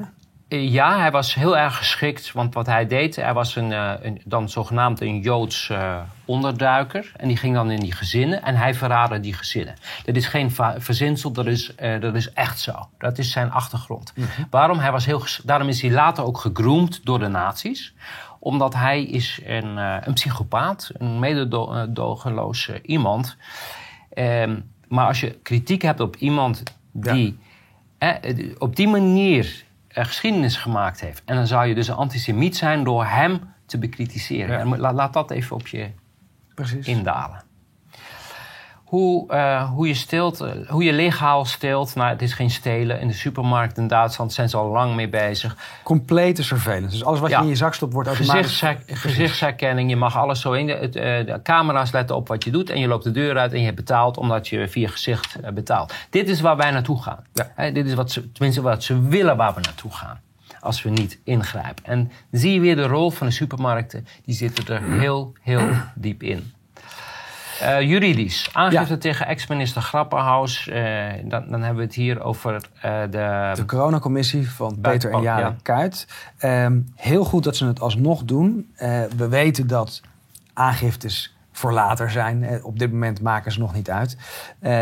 Grapperhaus is inmiddels directeur van een ziekenhuis geworden. Heb ik ook een raad van toezicht zit hij. Ja, Eh, net als uh, Dekker, die is ook eventjes uh, die is naar Rotterdam. Die is naar Rotterdam ergens gegaan. ik ben benieuwd. Het, het, staat natuurlijk als een paal boven water. En natuurlijk heeft Grapperhaus ja. gewoon opdracht gegeven om geweld te gebruiken tegen weerloze burgers. Ja. wordt er wat mee gedaan? Ik betwijfel het. Ongevaccineerde baggermeester krijgt ook via kort geding geen werk. Daar hadden we het net al over. Dat was via zijn werkgever Boskalis. Hij werd niet meer uitgezonden naar het buitenland omdat hij weigerde zich eh, te vaccineren. En dan zie je weer, de ehm, rechtspraak is de kern van het kwaad. Ja. Jouw aangiftes. Je, hebt een, je, hebt een, hele dag aangiftes gedaan. De eerste aangifte was wegens lasten uh, tegen Erik Smit. Dat is dat artikel wat uh, gepubliceerd is, wat uh, op geprobeerd heeft uh, om jou uh, via de zwaarheid... Ja, de verdachtmaking alsof we de stichting zouden opheffen. Maar misschien snappen ze niet helemaal dat er een verschil is tussen een bankrekening en een stichting. Overigens uh, gaan we in hoger beroep. Uh, mensen kunnen gewoon nog doneren. Er is in die zin nog vrij weinig aan de hand. maar toch genoeg om de aanval te openen op viruswaarheid. Uh, en dat is smaad en laster. Nou, één puntje wat hij, uh, hij aanhaalde was... Uh, daar heb ik ook met hem over gesproken, want die, hij, hij, belde mij. Um, dat ging over een, een, een, bepaling in de statuten. En dat die bepaling geeft de mogelijkheid om na ontbinding van de stichting... het saldo over te maken naar een organisatie met dezelfde doelstellingen. Als er maar 90% aan besteed wordt. Maar kon ook naar het buitenland. En hij kwam ermee, oh jullie hebben een achterdeurtje gecreëerd om geld weg te sluizen. Ik zeg nou, volgens mij is er niet eens over gesproken, want het is een standaardclausule en die verandering is ingekomen omdat wij uh, juist. Ja, dat is het mooiste. we hebben een ambistatus aangevraagd. En op last van degene die dat beoordeelde, moesten we dit in de statuten veranderen. Dus het is niet dat wij dit hebben gedaan. Maar sterker, ik heb gelijk gezegd: joh, heb jij al andere statuten bekeken? Want in elke organisatie, ambi-organisatie, staat dat erin. En ik heb, de, ik heb er een paar bijgehaald. Uh, Wakker Dier, die had zelfs nog een slechtere. Want daar stond in, hoeft niet eens die eis van 90% stond erin. Uh, wat doet hij? Hij heeft er niks mee Hij heeft een uh, hoogleraar gebeld en gevraagd: uh, wat vindt u daarvan? Ja, dat was toch wel heel opvallend dat erin stond. en zo zie je hoe het werkt. En ja. Dikkeboom kwam natuurlijk en die zei: ja. Die, die, engel die gaat met tonnen ervan door zo meteen. Ja. Dat laat zien, dit is Follow the Money. De, het platform voor onderzoeksjournalisten. Mensen, als je nog een abonnement hebt, eh, bespaar je geld, geef het uit aan de De volgende is het CIDI, hebben we het net ook over gehad. Ik heb aangifte tegen het CIDI gedaan. Uh, voor Laster en Smaad natuurlijk naar mij, naar Samen voor Nederland, de FVD, vooral David Icke. Uh, dat krijgt nog, natuurlijk nog een staartje. Maar uh, ik vond het ook belangrijk om erin op te nemen dat het CIDI met deze acties aanzet tot antisemitisme. En dat klinkt voor heel veel mensen belachelijk. Maar wat ze hiermee doen, zogenaamd vanuit de Joodse gemeenschap sprekend, jagen ze heel veel mensen die niks met antisemitisme ja. te maken hebben, tegen zich in het harnas. Ja. Dus wat ze zeggen na te streven is 180 graden omgedraaid. Ja. Uh, dit is een, dit reactie, een reactie, op, op de aangifte die ik heb gedaan uh, van de beide arrestaties. Namelijk, er werd uh, geboeid en er werd niet geïdentificeerd. en daar was geen onderbouwing voor. Alleen het OM ziet dat anders. En wat zo mooi is hieraan, hoe praat je recht wat krom is. Daar zijn ze heel goed in. Uh, ze geven toe, ze droegen geen uniform, het gezicht was bedekt. Dus hoe moest ik weten dat het een uh, uh, politieagent was? Maar dan zeggen ze, de vrouwelijke agent heeft vluchtig haar pas getoond. En dat er aanleiding voor boeien was, dat er dwingend bejegend werd. Nou, hoe komen ze nu bij dat de boeien terecht waren? Dan gaan we naar de volgende. Er zijn boeien aangelegd omdat ik getransporteerd moet worden. En de auto was niet uitgerust om gevangenen te transporteren. Maar wacht even. Waarom word ik dan met deze auto opgehaald? Dat is toch de. Ze, ze kwamen om jou te arresteren en ze hadden een verkeerde auto bij. Dus wat, wat hadden ze gedaan als ze met de veewagen gekomen waren? Of met de motorfiets? Precies. Ja? Um, maar dus er wordt, wordt gezegd van de transportboeien, die, die waren puur voor het transport. Ja, ze proberen zich heel erg te verschuilen achter de regels. Ja, maar dat is ook heel gevaarlijk, zo'n rijdend voertuig. Want je kan een raampje open doen en je kan een deur open doen. Dus om jouzelf te beschermen hebben ze je boeien ja, omgedaan. Precies. Want normaal gesproken doe je natuurlijk altijd, terwijl je rijdt. De, de Gaan we naar de volgende. Ja. Naar 3 april. Dus gebeurde eigenlijk hetzelfde. En er wordt inderdaad toegegeven, uh, er is weer geboeid. En er is wel vier keer gevraagd op identificatie. Eh, en dat mag natuurlijk niet, dat zijn twee misdrijven. Maar toch komt het OM bij de volgende erop uit van ja, maar dat is goed dat ze dat hebben gedaan. En, eh, en dit is het meest bizarre. Hè? Hierom hebben zij op ad- advies van het Openbaar Ministerie ook gekozen om zich niet te legitimeren en om hun identiteit te verhullen en met gezichtsbedekking. Dus wacht even. Er wordt toegegeven dat ze een misdrijf plegen. Maar het was op advies van het OM. Hetzelfde OM, want dit is allemaal parket Rotterdam. Ook deze afwijzing van die aangifte is parket Ja. Rotterdam. Dus ja, maar ze hebben een fout gedaan. Maar het was op advies van ons. En daarmee was het goed. Want wij zijn degene die het beoordeelt. Ja, maar waarom hebben ze niet gewoon gebeld en gevraagd of je naar het bureau kwam? Was dat niet veel eenvoudiger geweest? Als ik zie wat... eh, Die, die eh, tweede arrestatie, als we nog één keer teruggaan, die ging over, en dat staat er gewoon in, om te Ja. voorkomen dat ik Ben- zou spreken bij een demonstratie. Of arrestatie had ik het over. Ehm, en dat is de echte reden. De, de voorwaarden zijn niet geschonden. Hè? Ja. Daar hebben ze een mooi verhaal proberen te maken, maar ik heb me niet geuit op social media. En dat laatste, dus voor van mij wordt nu gezegd van ja, je hebt gedokst. Of je zou doxen, maar dat is helemaal niet het geval. Als mensen zich identificeren en ze laten hun pasje zien, dan moet je natuurlijk ook kunnen zien of dat pasje klopt Precies, met het gezicht. Dus, dus Ja. als je eh, een, een gezichtsbedekking hebt, ben je niet aan het Ja. identificeren. Geen pandemie meer, nog wel vuurwerkverbod. En dan zie je wat het echte doel is in twaalf gemeentes. Men wil van het vuurwerk, men wil van alles af wat plezier maken en wat mensen leuk vinden. Het ging om die gedragsverandering. Ja, en, ja, we wennen maar vast aan. Precies. Ja. COVID telt nu wel niet meer, maar we gaan er toch mee door. Ja.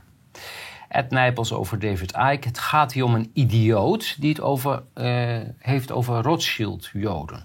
Ja, ik geloof Rothschild, eh, ik meen... Dat, is, dat is een Joodse familie. Maar eh, eh, nogmaals, hetzelfde trucje als bij Soros. Van wacht eventjes, wacht eventjes. Volgens mij gaat de, gaat de kritiek over de misdaden die bankiers plegen. die misdaden plegen. Ja. En niet over dat ze Joods zijn. Maar hier ook weer zo'n Ed Nijpels, die natuurlijk een zeer bedenkelijke rol speelt. klimaatpaus. Een klimaatpausje.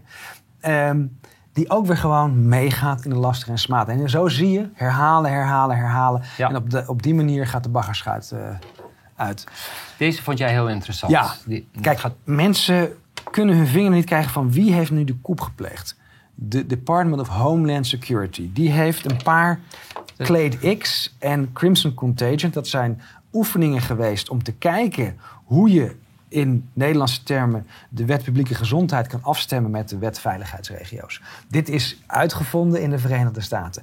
Ehm eh, Rom Emanuel heeft hier een grote rol in gespeeld, namelijk als burgemeester van Chicago. Chicago was eigenlijk het hoofdkwartier waar het uit gebeurde. Toen hebben ze gekeken van welke wetten moeten we nou zo schuiven dat de Department of Human Health and Services, VWS van de Verenigde Staten, in naam de pandemische paratheidsbevoegdheden krijgt, maar daarachter de FEMA, zeg maar de NCTV van Department of Homeland Security, in werkelijkheid aan de touwtjes trekt. En er is ook dus op nationale veiligheid, crisisbeheersing, cybersecurity en migratie Ja, migratie. zijn er verregaande samenwerking Ja. geweest. Dus het hele verhaal wat we hier Het is krijgen, gecoördineerd, het is wereldwijd. volledig gecoördineerd. Het zijn scripts die ze overal hebben uitgewerkt en die Ja. gevolgd worden. Deze mensen die het hier uitvoeren, of de NCTV hetzelfde, die Ja. doen niks anders als scripts uitvoeren. Precies. Ja. En Spaan... Ja, eh, hier hadden we het net over. Dus lastig en smaad. Alle aangiftes, maakt niet uit voor wat voor vreselijks er wordt uitgemaakt. Voormalige minister kunnen. van Volksgezondheid, eh, die iemand he- heeft hem eh, een, een, een verslaaf, kookverslaafde Ja. genoemd. En die is nu veroordeeld tot 4600 euro boete. En dan moet je dat eens vergelijken met de, de uitingen die van de andere kant gedaan worden. Ja. En waarom? Hè? Het was een organisator van een anti-maatregelenprotest. Dat is Ja, natuurlijk de dat is het belangrijkste. Ja. Nog even bij eh, medisch. Nou, deze meneer kennen we natuurlijk. Martin Hadic, een van onze favoriete eh, medici. Ehm, die heeft een heel goed verhaal over dat als je lang met mondkapjes eh, werkt... dat je dan inderdaad longschade eraan overhoudt. Ja, dit is eigenlijk open deur. open deur, maar nog maar eens goed om te herhalen. CBS meldt nog steeds veel overlijdens. Ook in oktober oversterven. Jammer dat we niet weten hoe dat komt. Ja, het, is, het blijft kan een mysterie. niet zijn, dus blijft het een mysterie. Ja. Ehm, dit is een eh, vergelijking tussen Zweden en eh, de wereld. Wat is het? Ja, en hier zie je dat Eh, Zweden gewoon gelijk heeft gekregen. Dus, Ja. dus er zijn nog steeds mensen die zeggen, ja, maar Zweden... Nee, Zweden heeft gelijk gekregen. Dat is juist het bewijs dat wij het fout hebben gedaan. Ja. Marjan Koopmans die weer reclame maakt voor de prikjes. Is heel enthousiast over die nieuwe combi-prik. Let op. Wat hier weer wordt gedaan, is weer die definities. Ja. De vaccin efficacy of effectiviteit. Hè, dus daar staat de, De- VE voor. Zij bedoelt de relatieve. Ze, ze bedoelt de relatieve, maar het gaat zelfs nog verder. Ten opzichte van de basisserie. Niet ten opzichte van de niet Ja, ja, ja, ja, dat is veel beter dan de basis. Nou, de basisserie was nul. En wat je... Nee, Ja. negatief. ja. Dus Precies. te- het is een verbetering ten opzichte van die basisserie... waardoor je immuunsysteem slechter was. Waardoor je het een tijdelijke oppepper zou geven. In hoeverre dat waar is. Eh, dit is alleen maar bedrog. Maar het grappige is wat je, wat je nu ziet. Al die flexpers die zo aan het doordrammen zijn. Want die, die voelen heel ja. goed.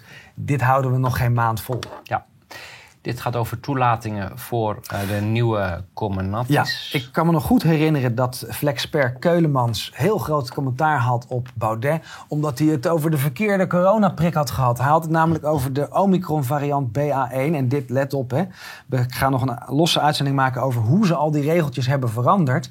Dat ze nu dus eh, eigenlijk zonder oversight allemaal prikjes kunnen toelaten op de markt. Dus dit is een rolling review binnen, een rolling een review. rolling review. Ja. Ehm, de BA1 zou dan wel getest zijn op mensen en de BA4-5 alleen op muizen. Maar dan zien we, hey, ze hebben eerst die discussie gehad en zeggen van nee, maar die is in Europa niet goed En dan gekeurd. gewoon En gedaan. een week later doen ze het Ja, toch in. Europa. Ja, Dus maar dat- dit is echt het. alleen Zo. maar bedrog. Nu moeten ook de ongeboren baby's in de baarmoeder worden gevaccineerd. Ja, de, de perversheid eh, die, die, die kent geen grenzen. En we hebben net gezien in het artikel waarbij ze zeiden van... hé, hey, kijk eens, eh, Ja? er is kleinere kans op eh, vroeggeboorte als je geprikt wordt. Nee, de, de echte... Het, het, het echte conclusie van het artikel was... er is grotere kans op complicaties bij volledige dracht. Maar- wat, wat maar- je hier, waar, waar je hiermee naartoe gaat... is dat dadelijk alle vrouwen alleen nog maar via IVF zwanger kunnen worden... en alleen nog maar via het eh, eh, operationeel verwijderen van een kind kunnen bevallen. Ja, knettergek. Eh in Duitsland nu een onderzoek naar buiten gekomen waarmee het bewezen is dat er een verband is tussen de dalende geboortecijfers en de COVID-massavaccins. Ja, het is eh, weer een open deur. Het is al, Ja. Iedereen die, eh, die, die kan het zien. maar Precies, weer dan een onderzoek. dat staat in dit artikel. Je kan het gewoon opzoeken. Het is evident. Ja. dus, dus de effecten zijn zo groot dat ze meetbaar zijn. Want het effect van het artikel dat ze zeggen van ja, het is juist goed. Het gaat over 0,1 procent. Dit gaat over tientallen procent. Het is echt een, een, er zitten drie orders van grootte verschil tussen. Eh, werkt de vaccins beter voor Omicron? Niet helemaal. want- Ja, nou, eh, helemaal niet. Dat is eigenlijk de conclusie. Eh, we, we zien eh, de Omicron eh, toenemen en de breakthrough cases domineren. Hè. Die, die laten eigenlijk, dus de, de lange balkjes, de donkerblauwe balkjes zijn de totale aantallen. En de breakthrough cases zijn de, de aantallen van de mensen die geprikt zijn. En je ziet dat het bijna één op één volgt. Het is totaal Ja. mislukt. Ja, het hangt er vanaf wat je wil, dat aan mij natuurlijk. Ja. 5 tot 11-jarigen, de vaccineffectiviteit tegen eh, infectie is nul bij vier maanden. Na vier maanden. Ja, en hier wordt eh, eh, gekeken. en het bovenste is eigenlijk het belangrijkste. Too few severe of fatal cases of COVID-19 were observed. Kijk, al die onderzoeken over vaccin, eh, vaccineffectiviteit... die worden ook uitgevoerd op de jongere groepen. Maar dan, dan zoom je in, in de data... en dan gaat het over De- enkelingen of tientallen... op een populatie van Nou ja, ik, ik, ik, ik heb En- er dan vaak gekeken, die onderzoeken, als je daarnaar kijkt. Ze zeggen zelf, Pfizer zei en Moderna ook. Het komt zo zelden voor, Ja. ernstige verloop van COVID, dat dat konden we niet onderzoeken. Dus we hebben alleen maar onderzocht Precies. op eh, verkoudheidsklachten in combinatie met een test. That's it.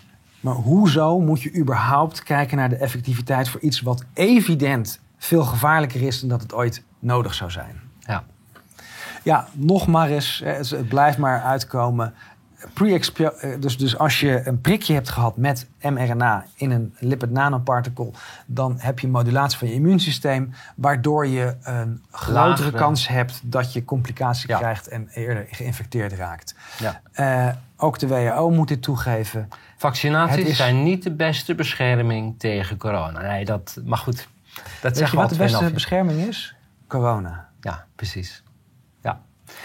En eh, tijdelijke milde myocarditis, celschade na booster. Oh, maar het is alleen maar heel mild. Weet je, je krijgt een soort, eh, het is beter dan dat je milde verkoudheid krijgt. Gewoon, Maar wat ze hier al toegeven, want ze hebben het over 3%.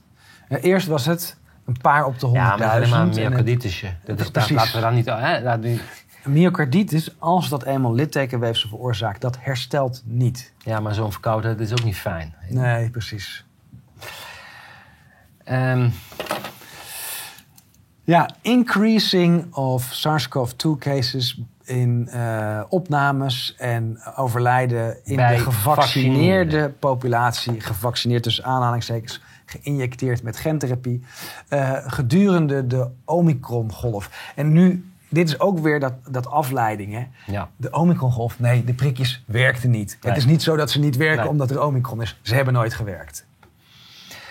En de bescherming, de immuniteit hè, de, eh, van de bevolking is veel groter dan verwacht. Ja, ook oud nieuws, Allemaal- allemaal oud nieuws.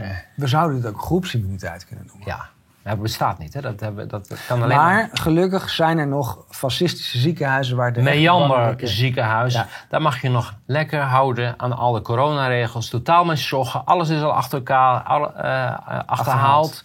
Alles is al debunked. Maar je hebt nog steeds... En ik weet niet, misschien zit daar een ex-minister bij Meander ziekenhuis. Want daarom plaatsen ze al die eh, fascisten als directie, in de Ja. directie of de raad van toezicht.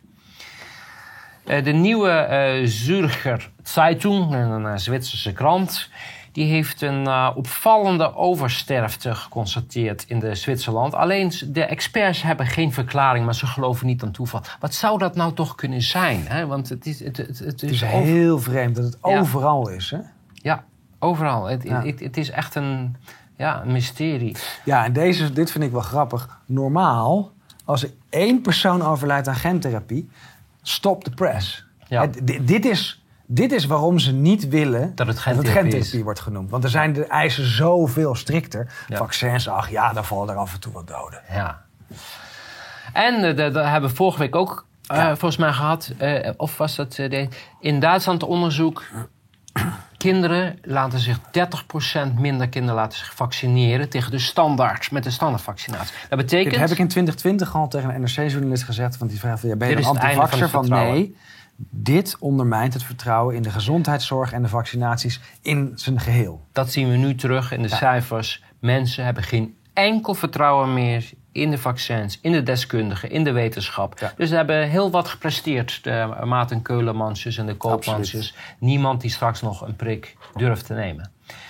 Vers van de website.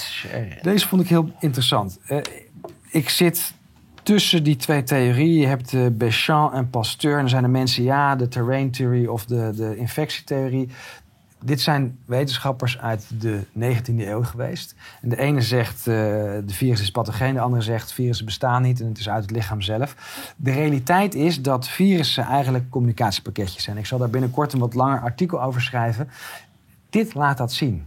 Door eh, te injecteren en antistoffen aan te maken, heb je dus effect op je microbiome. Want waarvoor zijn die virussen eigenlijk? Namelijk de communicatie tussen jij als multicellulair organisme en je microbiome en de buitenkant waar ook een microbiome is eh, en ook andere individuen. En die drie- of vierwegscommunicatie, daar zijn virussen essentieel voor. interessant. Ja. Een eh, artikel van Report eh, 24. Er staat ook een filmpje bij dat artikel. Eh, er zijn nog nooit zoveel piloten onwel geworden tijdens vluchten. Dit, dit schijnt bijna routine te zijn. En dat is ook niet zo gek, want je zit in de lucht. Dat betekent dat je, Ja. je bent sowieso veel gevoeliger voor tromboses in, op hoge, grote hoogte.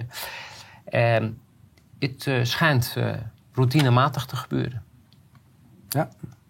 Komen we bij demonstraties. Vandaag in- hebben we er nog een De aantal. boeren hebben weer een mooie actie bij Drachten. Eh, goed dat ze doorgaan. Ze hadden nooit moeten stoppen. Nee. Ze zijn maandenlang voor de gek gehouden met neponderhandelingen met degene die... Met criminelen. Met criminelen. en ja. met criminelen onderhandel je Nooit onderhandelen. Nee. En dan de klimaatacties. Heel interessant. Daar hebben we een paar leuke dingetjes over gevonden.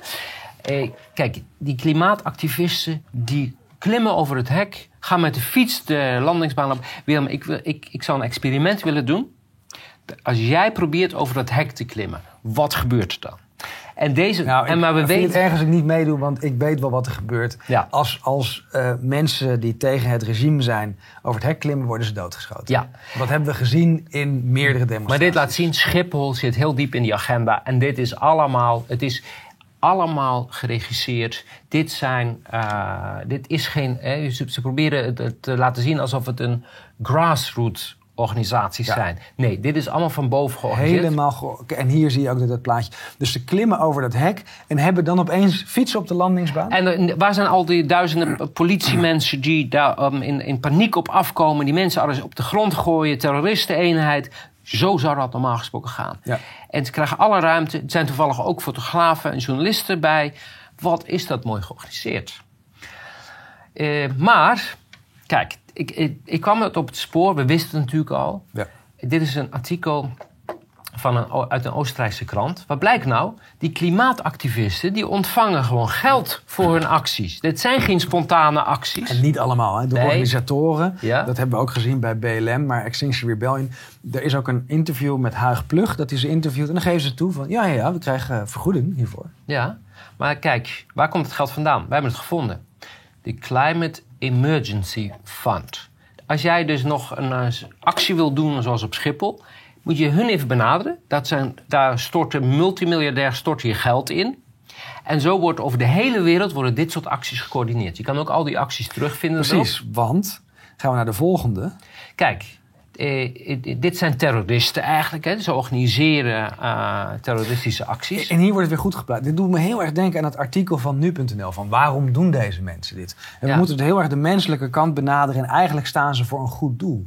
De- hebben we de- hè, dit is- Antonio Ja. Guterres, eh, eh, corrupter zal je niet vinden waarschijnlijk. Maar dit laat zien, eh, alles is geregisseerd. Die hele acties. Dit is om ons de indruk te wekken dat er heel veel mensen zijn die bereid zijn om actie te voeren voor het klimaat. Mensen, dit is allemaal van bovenaf. En vooral deze. Gluing hands to art pieces. The latest climate protest stunt spreading in Europe. Dit is En allemaal dit betaald is- door dit fonds. Precies. Wereldwijd gebeurt dit. Dus we worden hier in de maling genomen. Ja. En dit vind ik dan wel, wel heel erg mooi. PSV-supporters hangen spandoek op bij de woning van eh, Femke Halsema. Ja. Wat staat erop? Je, eh, Van supporterspesten word je blij, je zoon is crimineel, niet wij. En het gaat er natuurlijk Ja, over die verwijzing ja. dat haar zoon is gepakt met een vuurwapen dat van haar man is. Ja. En zo gaat dat in die kringen. Ja. En heel mooi, de politie eindelijk eh, tot inkeer gekomen. Die rijden nu rond met aanhangers. En op die aanhangers staat waar, rechts ontbreekt, eh, waar recht ontbreekt, begint oorlog. Dus ja, een compliment voor deze agenten. Ik zou zeggen, blijf rijden. Bestel nog meer van dit soort aanhangers, want dit maakt impact. Prachtig. Prachtige foto. Net als die foto waarbij ze de doodskist Ja, met democratie precies. erop wegdragen. Ja. Ja. Ehm, worldwide eh, Netherlands fakkeltocht 19 november op de Dam vanaf, eh, vanaf 6 uur en het start om 7 uur. Neem zelf een fakkel mee. Heel goed. Ja, want dat is één ding. Wat we nu zien is eh, dat we door moeten blijven gaan. Max van den Berg, een Huigplug, Elder van Vechelen. Ze gaan cel in, cel uit.